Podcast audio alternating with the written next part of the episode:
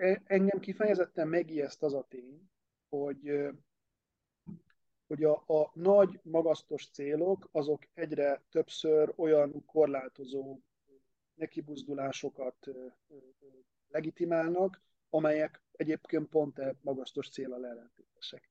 Tehát amikor arról beszélünk, hogy jó lenne, hogyha a szabad nyugati világ győzne ezekben a konfliktusokban, vagy akár a, a proxy háborúban is Orosz, Oroszország Ukrajna között, hiszen Oroszország, vagy fél proxy, mert Oroszország az egyik hadviselő fél, de a másik oldalon ott van a nyugati világ, akkor egy olyan világot szeretnénk megvédeni, amivel pont, hogy nem fér össze az, hogy az állam ilyen típusú korlátozásokat tegye. Tehát, hogyha én most itt kimondom azt, hogy például koronavírus, akkor nem kizárt, hogy egy figyelmeztetést rak a, a lejátszó beszélgetésünk alá, mondván, hogy egy linkkel, hogy hol lehet megtudni a valóságot, mely valóság egyébként az általuk aktuálisan vallott valóság. Ugye ez mostanra derült ki, hogy azt a teóriát, hogy hogy a, a koronavírus az egy kínai laborból származik, ugye azt az FBI kérésére a Facebook a eleinte kifejezetten cenzúrázta, majd most, amikor lett egy amerikai bizottsági ö, ö, szakvélemény arról, hogy hát azért ez egyáltalán nem kizárható verzió, akkor így fölengedték ezt a, ezt a tiltást, ami ugye felveti azt a kérdést, hogy a következő tiltás az vajon alaposabb, vagy, vagy, vagy megalapozottabb lesz, jobban végig gondol? Üdvözlöm Önöket, ez a Hetek Originals Morvai Péter szerkesztő vagyok, és mai vendégem Ceglédi Zoltán, politikai jellemző publicista. Köszönöm, hogy fogadta a hívásunkat. Jó napot kívánok! Egy pár nappal ezelőtti Facebook bejegyzése adta az alkalmat a mai beszélgetésünkhöz. A poszt annak kapcsán született, hogy már előre online vihar támadt abból, mert elment a Hír TV-be Jeszenszki Zsolt műsorába. Én megnéztem a beszélgetést, meg a videó alatti kommenteket is, és őszintén nem teljesen értem a felháborodást, mert a nézőknek nagyon tetszett a műsor, szerintem is kár lett volna kihagyni. Mi akkor a baj? Nincsen baj, egyébként annyiban korrigálnék, hogy ez a műsor nem a Hír TV-n ment le, ez csak a YouTube-on volt látható. Ez a Pesti Srácok stúdiójában készült, ugye átfolynak itt a különböző orgánumok egymásba, személyi átfedések vannak, de hát én is szerepelek tévében is, rádióban is. Sőt, néha az is előfordul, hogy nagyon csúnyákat mondanak rám, amiatt, amit Hontadás írt ki a Facebookra, tehát ez még ennél is Viszont ugye az egy dilemma szerintem sokak számára, hogy pontosan kivel és milyen témában ülnek le, és milyen célból, tehát hogy vitatkozni, beszélgetni, eszmét cserélni, stb. stb. Ugye alapvetően én, amikor erről írtam, mindig van bennem némi félelem, mikor úgy kezdődik egy kérdés, hogy a Facebookra azt írtam ki, hogy mert szoktam oda csúnya szavakat is írni, de hogy szóval, hogy én megpróbáltam fölkészíteni a közeget arra, ami, ami azért, hogy mondjam, nem feltétlenül megszokott, részemről semmiképp sem, hogy el fogok menni egy olyan helyre, ahol nagyon mást gondolnak, ahol van egy egyértelműen kormánypárti, nem csak álláspont, hanem szándék arra, hogy ilyen tartalmakat gyártsanak, és ott elmondja, ami szerintem fontos. Van egy olyan illúzióm, ami talán többen él, meggyőződésem, hogy bizonyos ügyekről lehet és kell is beszélni, ami, ami nem nem a pártpolitikai törésvonalakra fekszik. Ha meg igen, akkor meg pont azért, hogy, hogy e, ezzel kapcsolatban különböző vélemények azok megjelenjenek. Annak nem látom értelmét, és ezt most már vallom, nem tudom, tíz éve, hogy az ilyen hívjuk így gladiátorjátékokban részt vegyek. Vannak olyan műsorok, amelyeknek tényleg az a funkciója, feladata, a vállalása, hogy két oldalról, innen-onnan belöknek egy-egy szereplőt, vagy két-két szereplőt, akiknek az a kifejezett mandátuma, hogy az ő politikai oldalukat azt képviselje. Tehát tulajdonképpen egy politikus helyettesítő feladattal vannak ellátva. Én meg egy szalonnázó bicskát vittem oda, meg, meg kiállításokról beszéltem, meg, meg arról, hogy szerintem, szerintem hogyan lehet jó élni, nem, nem csapok föl ilyen életmódgurunak, de ezt elő kellett készíteni a nyilvánosságomban, abban a körben, amit én elérek, hogy értsék, hogy mi ezzel a szándékom, és igen, az utolsó gondolat ehhez, nyilvánvalóan az is bennem volt, erről is írtam ebben a posztban, hogy azoknak az elvárásoknak, azoknak az elvárásoknak viszont nem tudok eleget tenni, amelyek arról szólnak, hogy bizonyos helyekre nem menjek el, mert azzal a, a másik oldalt bántom, de eme másik oldal viszont úgy gondolja, hogy ő, az ő felületeinek egy jó része az meg, az meg jó nekem. Amikor egyeztetünk, akkor jeleztem, hogy a hetek esetében sem lehet kizárni azt, hogy valami ilyen történik, de ön az egyből igent mondott, amit ezúttal is köszönök. Az előbb részben válaszolt már a kérdésem, vagy a következő kérdésemre, hogy a naptáron kívül mi alapján dönt arról, hogy egy megszólalás valahol belefére vagy sem. De akkor hadd kérdezek ebben egy konkrétat. Például lehet-e kizáró ok az, bármely oldalon, hogyha valaki mások, akár politikusok vagy közszereplők személyiségét súlyosan sértő kijelentést tesz? Ez nagyon nehéz kérdés, mert Szóval, ha őszinték vagyunk, akkor a politikai viták során én azt látom, hogy nagyon szörnyű dolgok hangzottak el, ha úgy tetszik mindkét oldalról, ha most a két, két oldalt feltételezünk. És az a kérdés, hogy ezeknek milyen a rádiusza. Tehát, hogy az adott személlyel nem állok szóba, az adott felülettel nem vagyok hajlandó bármilyen kontaktusba kerülni, vagy, vagy azt mondom, hogy akkor egy teljes sajtó konglomerátumot bolykottálok. Ugye ezt megtette a, a, a Fidesz is több soron, tehát annak idején talán az első amikor a napkeltével kapcsolatban volt egy ilyen bolykott hirdetésük, és tényleg nem is mentek be a műsorba a politikusaik. És nyilván ellenzék oldalon is többször előfordult, hogy most például olyan borzalmas dolgot mondott, nem tudom, Hír TV, hogy akkor oda nem fognak járni, és hosszan lehet sorolni. Tehát ez, ez is, egy, ez is egy fontos dilemma, és akkor arról még nem beszéltem, hogy valaki beleragad-e a maga rossz, adott esetben vállalhatatlan mondataiba örökre, vagy pedig azt gondoljuk, hogy adott ponton túl érdemes lenne beszélni vele akkor is, hogyha, hogyha nem tudom, tavaly, két éve vagy tíz éve szörnyű dolgokat mondott. Én nekem a az elmúlt kampányban, sőt már az azt megelőző önkormányzati kampányban is nagyon rossz tapasztalatom volt arról, hogy a nyilvánosság szereplői miket tudnak mondani egymásra. És ebben nem volt igazából különbség szerintem a két oldal között. Hogyha azt, azt a vállalást tenném, hogy nem veszek részt olyan emberekkel, vagy olyan felületeken semmiben, ahol, ahol ilyen dolgok hangzottak el, akkor, akkor tényleg csak monológokba tudnék bújni. Ezzel együtt az a, az a kijelentés, vagy az a, az a diskurzus, ami Baranyi Krisztináról folyt, az szerintem igen nehezen tolerálható, és, és értem, hogy miért vette ő ezt zokon, vagy miért mondta azt, hogy akkor ilyen szereplőkkel nem áll szóba.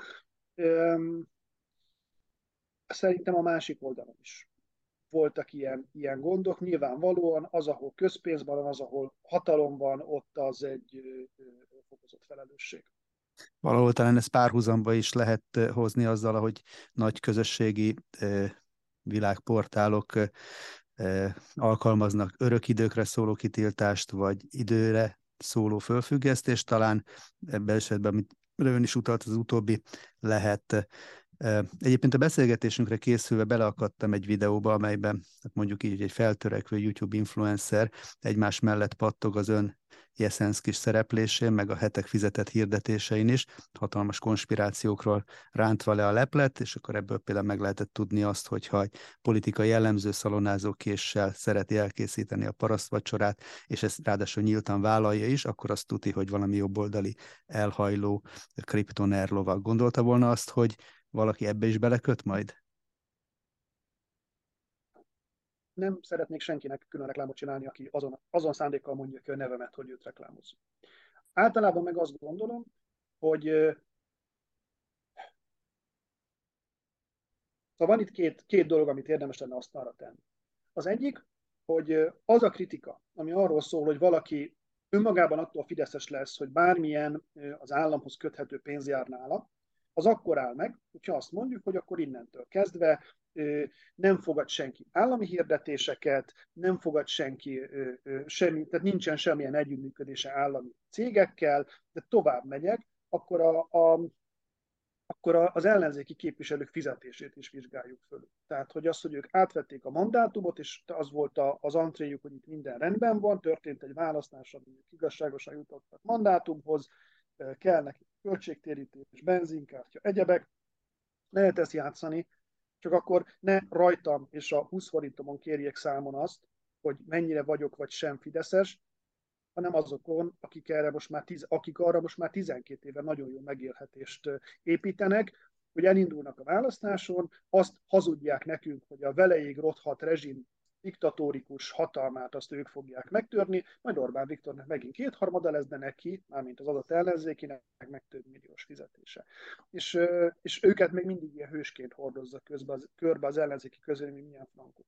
Tehát ezzel gondom van. De van egy másik gondom, ami ennél fontosabb, és egyált, az a része egyáltalán nem személyes, hogy, hogy kiket érint. Szóval ha annak igényével lépünk föl, hogy a közéletet, Magyarország jelenét, jövőjét alakítsuk, akkor legyen már valami véleményünk arról, hogy hol élünk, és, és milyen Magyarországot szeretnénk. Ugye nekem a legfőbb küzdelmem az ellenzékkel mindig az szokott, az ellenzéki nyilvánosságban mindig az szokott lenni, hogy, hogy ők ugye folyamatosan közlik, hogy hát az emberek nem olvasnak programot, meg most ne arról beszéljünk, hogy mit csinálnánk, hanem, hanem az összefogásról. Kedvencem még a megelőző választáson volt Bokros Lajos, aki kiállt a színpadra azt kiabálni, hogy ha, ha nem tudjuk, mit csinálnánk kormányon, akkor is ránk kell szavazni. Nem. Tehát amikor én a szalonnázó bicskát veszem elő, vagy amikor arról beszélek, hogy, hogy mi a jó mondjuk a Magyar Zeneháza, vagy amikor, vagy amikor amikor, a, a, nem tudom, a zsíros kenyeret, mint hungarikomot veszem elő, hogy csak tényleg ilyen alapvető dolgokról beszéljek, vagy amikor maradva ennél a műsornál a kövidinka szőlő becsületét próbál, vagy bor becsületét próbálom helyreállítani, akkor szerintem arról beszélek, ami, ami fontos, és ami, ami, ami nem tudom, magyarságunkról, meg jövőnkről szólna. Ez sokkal fontosabb szerintem, meg erről kellene beszélnünk, nem pedig arról, hogy akkor a, a következő előválasztás. Ja, jut eszembe. Aki, aki akar hogy viccesen látni, írja be a böngészőbe, hogy www.előválasztás2020.hu. Nagyon meg fog lepődni, nem mondok többet. De hogy szóval parodisztikus irányba megyünk. Szóval, hogy szerintem ne legyünk már az, az irányban ilyen, nem is tudom, hülyén szemérmesek, meg mellébeszélők, hogy, hogy mondok egyszerű, mondom egyszerűbben, ne legyen már Brüsszel fontosabb, mint Budapest. Pont.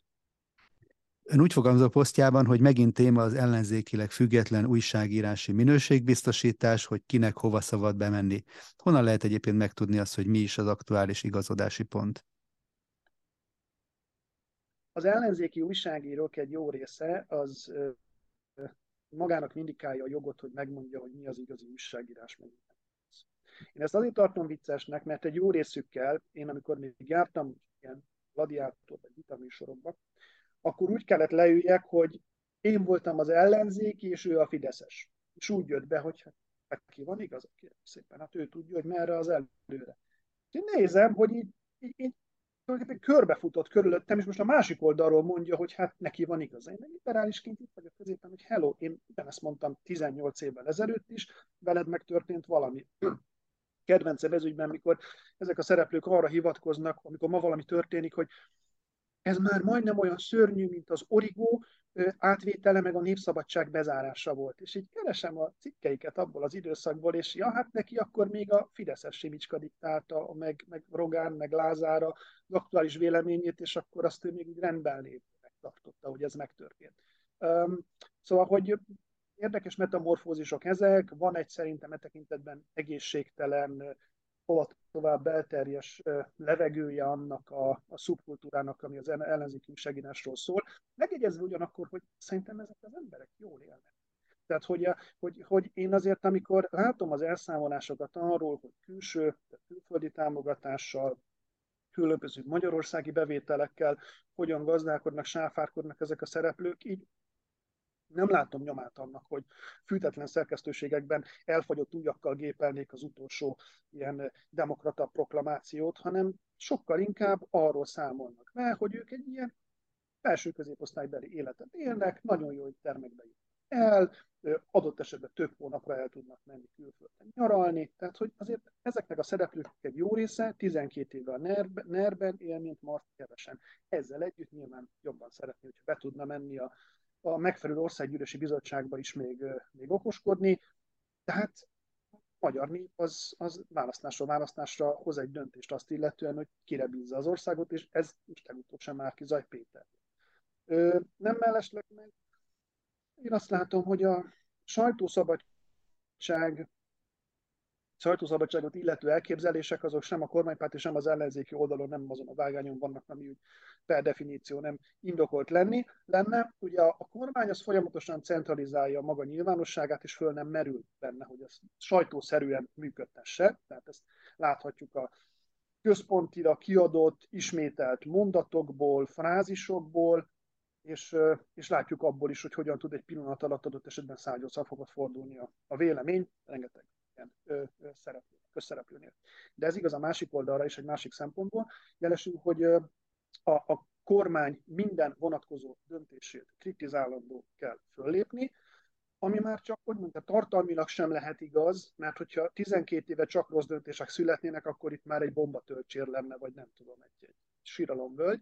Tehát nyilvánvalóan valamit kellett tenni azért évről évre, hogy elfogadjunk egy költségvetést, és, és, és menjünk tovább. Szóval, hogy én azt gondolom, hogy, hogy ez ebben a, a birkózásban, vagy ebben a küzdelemben nem, nem a legkomfortosabb a kalapács is az ülők közé szorulni, de tulajdonképpen erről a helyzetről szól a poszton is. Ez egyébként egy ilyen időszakonként felbukkanó jelenség, vagy vannak konstans elvárások, és csak azért hallunk most róla többet, mert vannak, akik nem hajlandók ezt figyelembe venni, mint ahogy éppen ön is?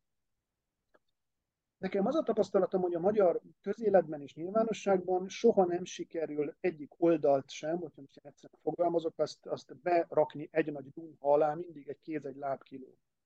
Ezt láttuk a pártoknál is. Tehát soha nem volt olyan, hogy csak a jobb oldalon egy párt legyen. Ezt ugye egy idő után a Fidesz persze a, a, ki tudta használni arra, hogy ő maga legyen egy nagy párt kvázi középen, tőle jobbra-balra is ellenzékkel. De mindig volt valaki. Mindig volt egy MDF-e, mindig volt egy Jobbik, most éppen egy mi hazánk, ez van. És a másik oldalon sem. Na most a nyilvánosságra ugyanez.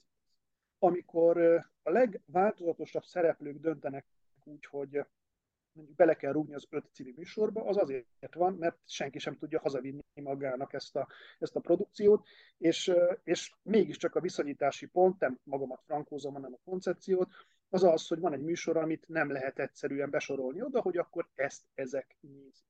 És ez mindig összefügg azzal, hogy én azt látom, hogy a választások közelettével, amikor összenyomják a táborokat, akkor picit, nem picit, sokkal nehezebb az ember helyzete.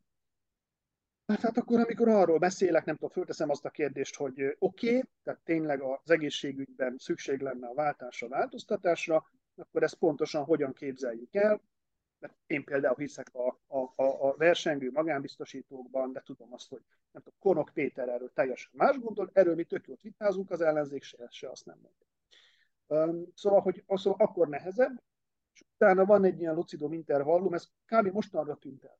Tehát van egy olyan megvilágosodott fényes pillanat, amikor az derül ki, hogy van egy választási eredmény, nem sikerült azzal győzni, amit szerettek volna, nem érte meg az ellenzéki újságíróknak ellenzéki újságíróként viselkedni, most ilyenkor megint egy darabig akkor függetlenek, hogy hát mi mondtuk tulajdonképpen, hogy, és ez elmúlik, most így körülbelül szerintem most vagyunk azon a ponton, amikor megint elkezdenek beállni. Tehát ennek a ciklikussága így néz ki, lesz most itt egy ilyen útkeresés, mindenki odáll valahova, és körülbelül jövő ö, ö, év végére, amikor ugye a következő összevont két választás jönne, akkor lesz megint az a hangulat, hogy most akkor nem szabad kritizálni, most akkor egy irányba menjünk, mert akkor most ez a feladat. Szóval ennek ez a ciklikussága, megint lesz egy döntés önkormányzatokról, európai parlamenti választási, választásod elért eredményről, és akkor annak függvényében, ugye most egy viszonylag nagy ellenzéki bukta néz ki ezekre a választásokra, addig még sok minden történhet, de hogyha az lesz, amit most gondolunk, akkor megint lesz egy fél évnyi vita arról, hogy történt, megint el lehet mondani azt, hogy de hát szóltunk, hogy ez talán nem a legjobb, és de elmondtuk, hogy mit kellene helyette csinálni, és akkor szerintem akkor megint egy fél év után jön elő, hogy na jó, de most akkor már nem szabad erről beszélni. Azzal nehezen lehetne vitatkozni, amit ön is ír, hogy kontraproduktív az ilyen politikai szempontból az ilyen listázás, de mi van akkor, hogyha egy adott oldalnak a e, elfű törzs közönsége tényleg nem akar kritikus e, vagy diszonáns hangokat hallani, akkor is meg kell próbálni kibillenteni őket ebből a komfortzónájukból? Hogy az én mániám a szűk keresztmetszet, jelesül, hogy mit lehet eldugítani a rendelkezésre álló előforrásokkal. És ennek nagyon sok példáját látjuk az ellenzék, vagy nem is az ellenzék, általában a politikai igazságban. Ugye vannak pártok, amelyeknek konkrét csapásmérő alakulatai vannak online, megjelenik egy oldalon, nem tudom, 30 ember, mindegyik ír 5 kommentet, a 150 komment az már, az már egy tömeg, úgy néz ki, hogy az valami hihetetlenül nagy tömegigény, amit ők, amit ők képviselnek. Szóval, hogy a nyilvánosságban szerintem, amíg valaki megtalálja a pont elegendő mennyiségű közönségét, és számukra szolgáltat, szolgáltat addig ő, ő megél. A kérdés mindig az, hogy megy előre az idő, hogy ez így tud-e maradni. Tehát, hogy lesznek elegem. Nagyon szomorú sorsokat látunk egyébként mindkét oldalon, kormánypárt és ellenzéki oldalon, hogy volt egy projekt, ami talán még működött az elején, de kifogytak belőle az emberek. Vagy azért, mert eleve nem akarok Márkizai Péter lenni, de eleve csak a legidősebb korosztálynak szólt, ahol ugye van egy sajnálatos biológiai tény, hogy idő után ők kevesebben lesznek, és nem minden politikai ízlésbe lehet úgymond beleöregedni. Ez a, az MSZP egyik komoly problémája volt korábban, most a Fidesznek lesz majd egy ilyen gondja szerintem. Tehát, hogy van ilyen, vagy pedig a, a, a technikai fejlődés ö, ö, megy el fölötte. Tehát például az egy hibás döntés volt, hogy a, a Pesti tévét azt elindították, mint televízió csatornát, hiszen azok a tartalmak és az a potenciális közösség, akinek szóltak volna, azt nem kapcsolja be a tévét. Pláne nem az, annak, az, azon felkiáltással, hogy na, most lesz az XY a tévében, nézzük meg. Már mi az ötben is egyébként, ugye alapvetően, a, a, a, hogyha ez a, a műsor sikeres, annak a, az oka szerintem az, hogy van egy nagyon erős YouTube háttere. Tehát, hogy nézik a tévében, és akik ott vannak, hát hogy ez most már később is van, péntek este tízkor, akkor akkor, akkor mondjuk jellemzően a, a, a mi célcsoportunk jó része az nem otthon is, nem a tévé előtt van, de megnézik YouTube-on. Szóval a másik ok, amiért el tudnak múlni ilyen média projektek, az az, hogy kiderül, hogy már nem oda kéne pakolni a dolgot. Tehát például az is kérdés, hogy mikor jön el az, hogy a ma még meghatározó autóban rádiót hallgató emberek, azok át fognak térni arra, amit mi most csinálunk, és nem esztétikai kifogás ez kettőnk felé, de hallgatni, nem pedig nézni, de hallgatni fogják azt, amit mi most itt beszélünk, jellemzően az autóban. Tehát nem a autórádiót kapcsolják be, hanem akár a transmitterrel, akár a telefonjukkal megoldják, hogy ilyen beszélgetéseket hallgassanak, és akkor a rádió fog visszaesni drasztikusan, és lesznek helyette ezek az online, adott esetben előre fölvett tartalmak. Nézzük akkor egy kicsit a tágabb képet. Van egy ismert mérce, ami alapján el lehet dönteni egy társadalomról, hogy szabad-e vagy sem. Ez Nathan Sharansky, az egyik legnevesebb szovjet ellenzéki főtér tesznek nevezte el, és úgy szól, hogyha egy ország fővárosában kiállhat valaki a főtérre, és félelem nélkül elmondhatja a véleményét, és nem kell tartani attól, hogy utána elviszik a rendőrök, akkor az a társadalom szabad. Hogyan minősíteni Magyarországot ez szerint a főtér tesz szerint? Felemásom. Tehát, hogy ha az a kérdés, hogy technikailag lehetőség van-e arra, hogy az ember kiálljon és ezt megcsinálja, akkor egyre inkább, szinte, szinte teljesen, de van ennek egy evolúciója, vagy volt ennek egy evolúciója. Hogyha visszaemlékszik, akkor a 2010-et, és ez nagyon fontos, a 2010-et követő időszakban a Fidesz kormány mindent megtett azért, hogy ne legyenek a köztéren tüntetések. Ugye az emberarcú Fideszesnek, szemüveges tanárembernek becézett Navracsics Tibor minisztériuma volt az, ami hosszú évekre előre lefoglalt egy csomó közteret minden nemzeti ünnepünkre, nehogy ott tüntetés legyen. A Kossuth téren, amikor nem építés terület volt, akkor erdélyi fotoművészek alkotáséból nyílt kiállítás, ami szintén fizikailag megakadályozta, hogy ott tüntetés történjen. És még hosszan tudnám sorolni azokat az alkalmakat, amikor, amikor kifejezetten tettek azért, hogy ne lehessen tüntetni. Idővel viszont fölismerte a Fidesz azt, e, e tekintetben meglehetősen adaptív működésük, és ezt kéne az ellenzéknek is fölpörgetnie, hogy a tüntetések jelenlegi formája, meg amerre tartanak, az számára nem rossz, de néha még kifejezetten jó is. Mire gondolok? Egy, ha egy tüntetésnek van bejelentett eleje, koreográfiája és vége, és a tüntetés végén maguk a színpadon állók küldik haza a tömeget, akkor az a fajta indítatás, ami alapján egyébként tüntetésre szoktak menni az emberek, keresztül, hogy elegem van, csináljunk valamit, az átváltozik egy társasági esemény. Én annyi mosolygó szelfit szerintem sehol nem láttam még, mint magyar ellenzéki tüntetéseken. Megörülnek egymásnak az emberek. Ó, hát te is itt vagy, csináljunk egy közös fotót.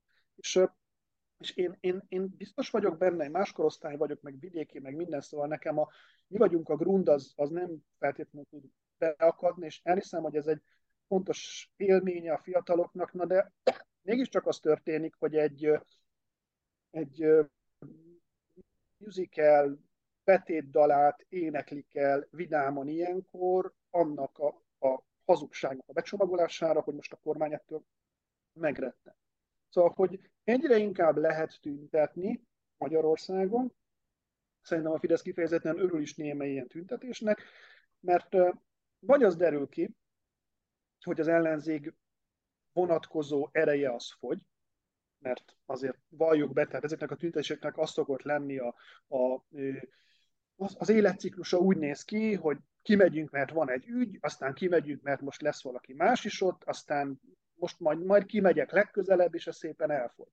Azért csak a, a, a, a választás óta itt volt már patatüntetés, fokivágási tüntetés, milyen még a, a tanárok előtt is még voltak. Tehát, hogy volt négy-öt olyan, olyan ügy, ami, ami fölmerült, tüntettek ellene, és akkor már így nem tüntetnek ellene. És ugye most a tanárok esetében is megvan annak a veszélye, hogy amit az ellenzékre nézve veszélye, hogy amikor megjön az első béremelés, meg látszik először az, hogy pontosan hogyan tud meg, vagy nem tud működni a, a tanárok pályája a jövőben, akkor, akkor elfogy a lendület. A Fidesz azt szerintem az elején elrontotta, illetve azt mondjuk, hogy a Fidesz nem tudjuk, hogy ki volt a döntéshozó, aki ugye, amikor ugye kirúgtak pedagógusokat, szerintem ez nem fog megismétlődni, onnantól kezdve az lesz a kérdés, hogy a diákok, meg pláne a diákok szülei, azok meddig partnerek abban, hogy mondjuk ne legyen tanítás. Tehát, hogy feláldozzuk-e a gyerek tudom, továbbtanulását, legalábbis egy évig, sikeres érettségét, a nyelvvizsgáját, a mármint annak érdekében, hogy a tanárok tüntessenek.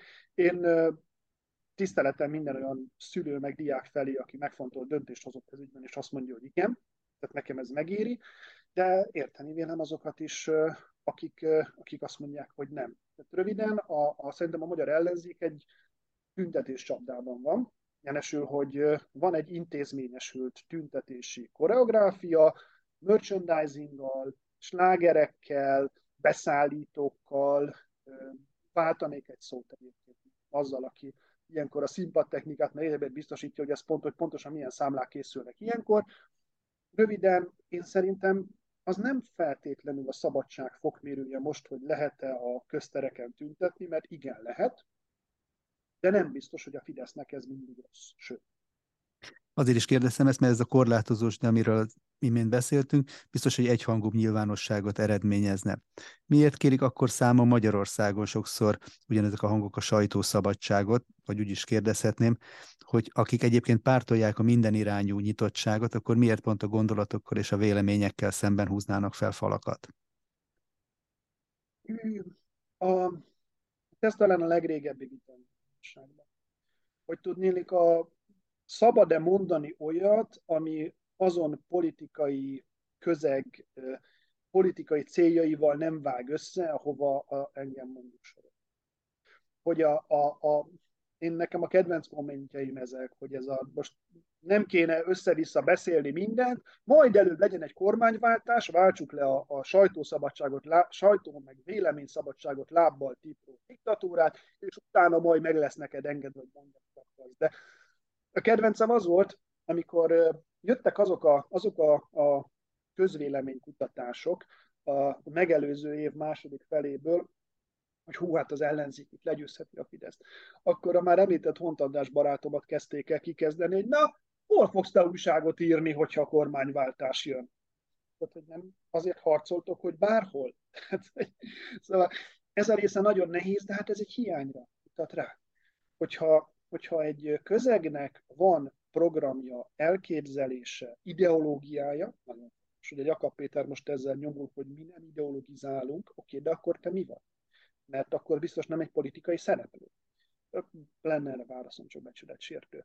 Szóval, hogy, hogy a, a vonatkozó kritikák jelentős része az, az egyébként ezt a hiányt rója föl csak technikákról beszélünk. És ugye azért, azért akarják korlátozni adott esetben az én véleményemet is, mert most nem erről kell beszélni. Majd én megmondom, hogy miről kell beszélni. Meg most már, most már tessék azt mondani, hogy a, a, a Fidesz az diktatúrát épített, az ellenzék, hogy bármit is csinálna, az, az, az jobb lenne.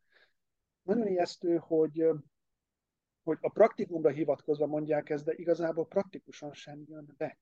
Tehát, hogy a, ugye a, a választófülkében az ember aktív cselekvő, behúz egy vagy több x-et oda, amit ő választ, amire azt mondja, hogy ez legyen.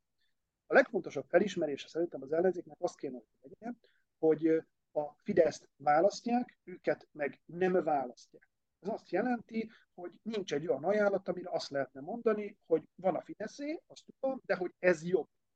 És önmagában, ha én ennek az ajánlatnak a hiányát pertraktálom, akkor én igazából egyébként segítek nekik, mert megpróbálom kigyúrni belőlük azt, hogy mondják meg, hogy két SZIA kulcs lesz, meg nem tudom, az ÁFA 27 helyet százalék lesz, stb. stb.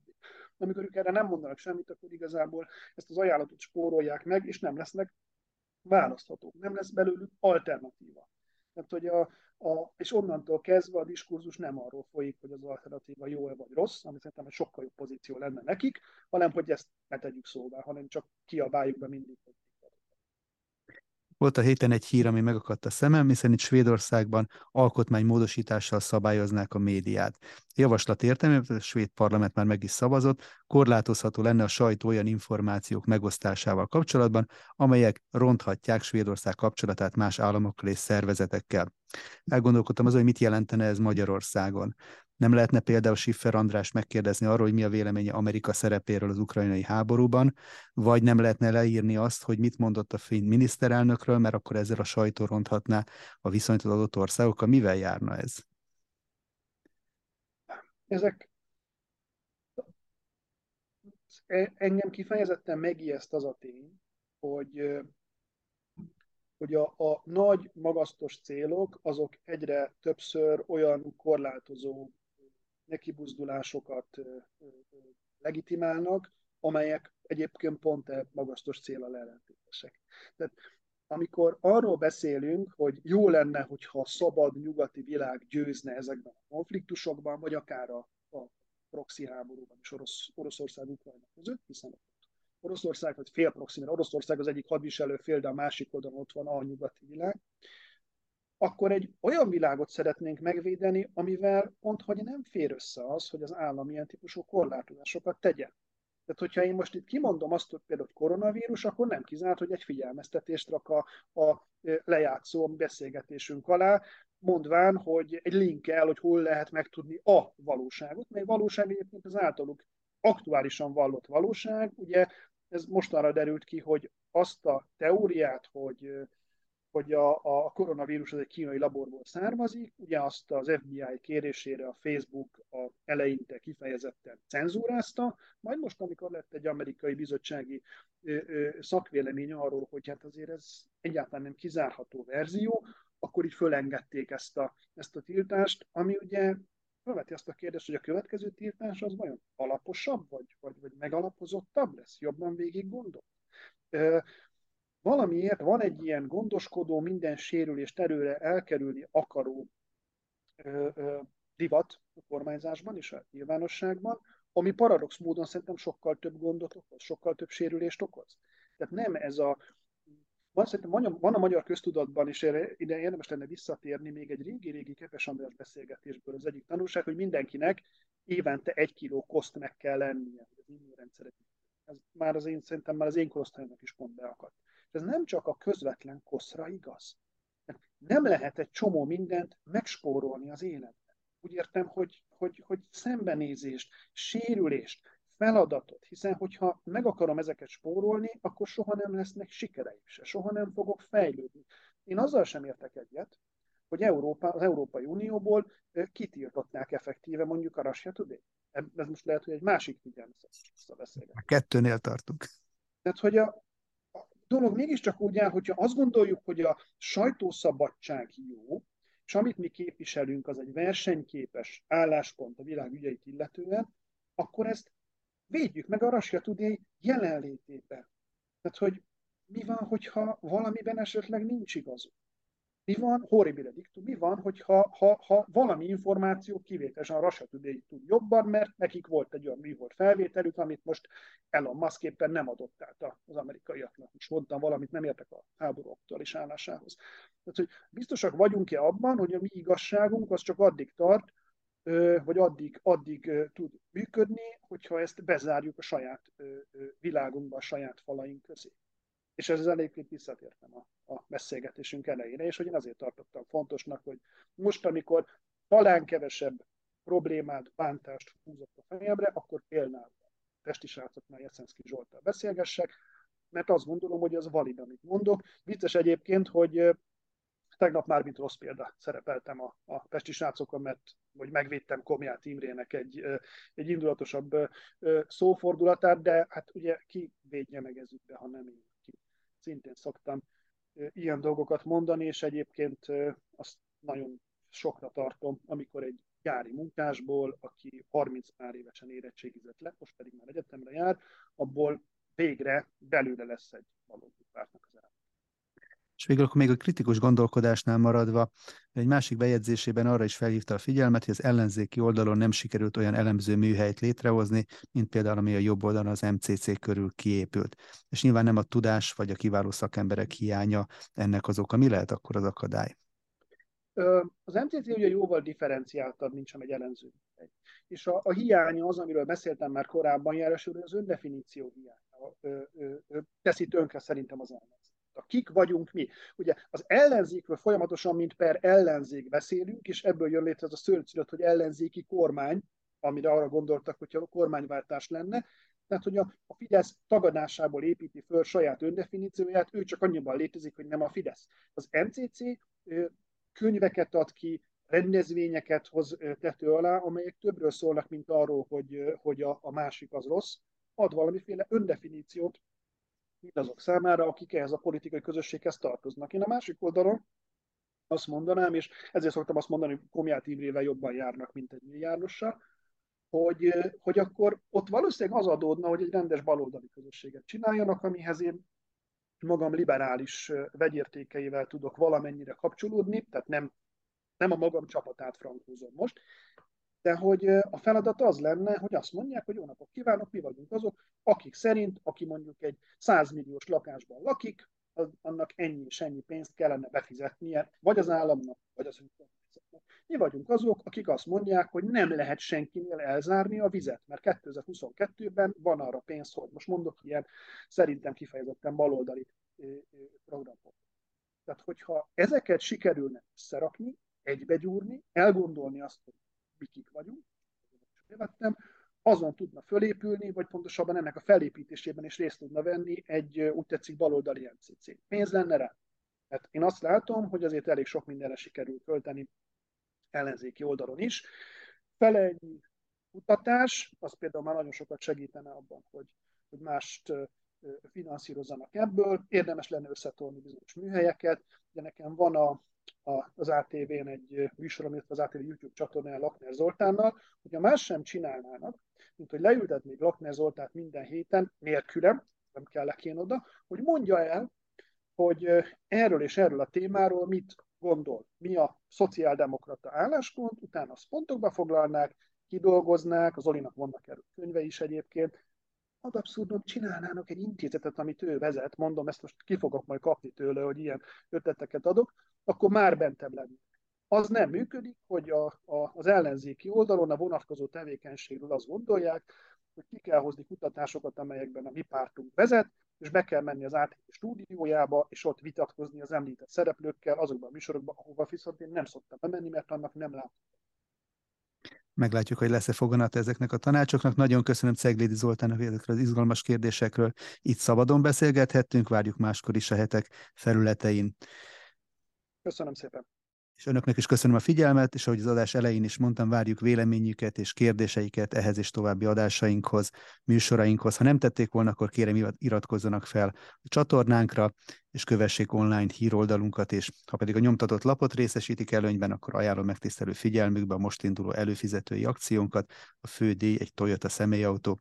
Viszont látásra jövő héten újra rendkezünk, addig is szép hétvégét kívánok mindenkinek. Önnek.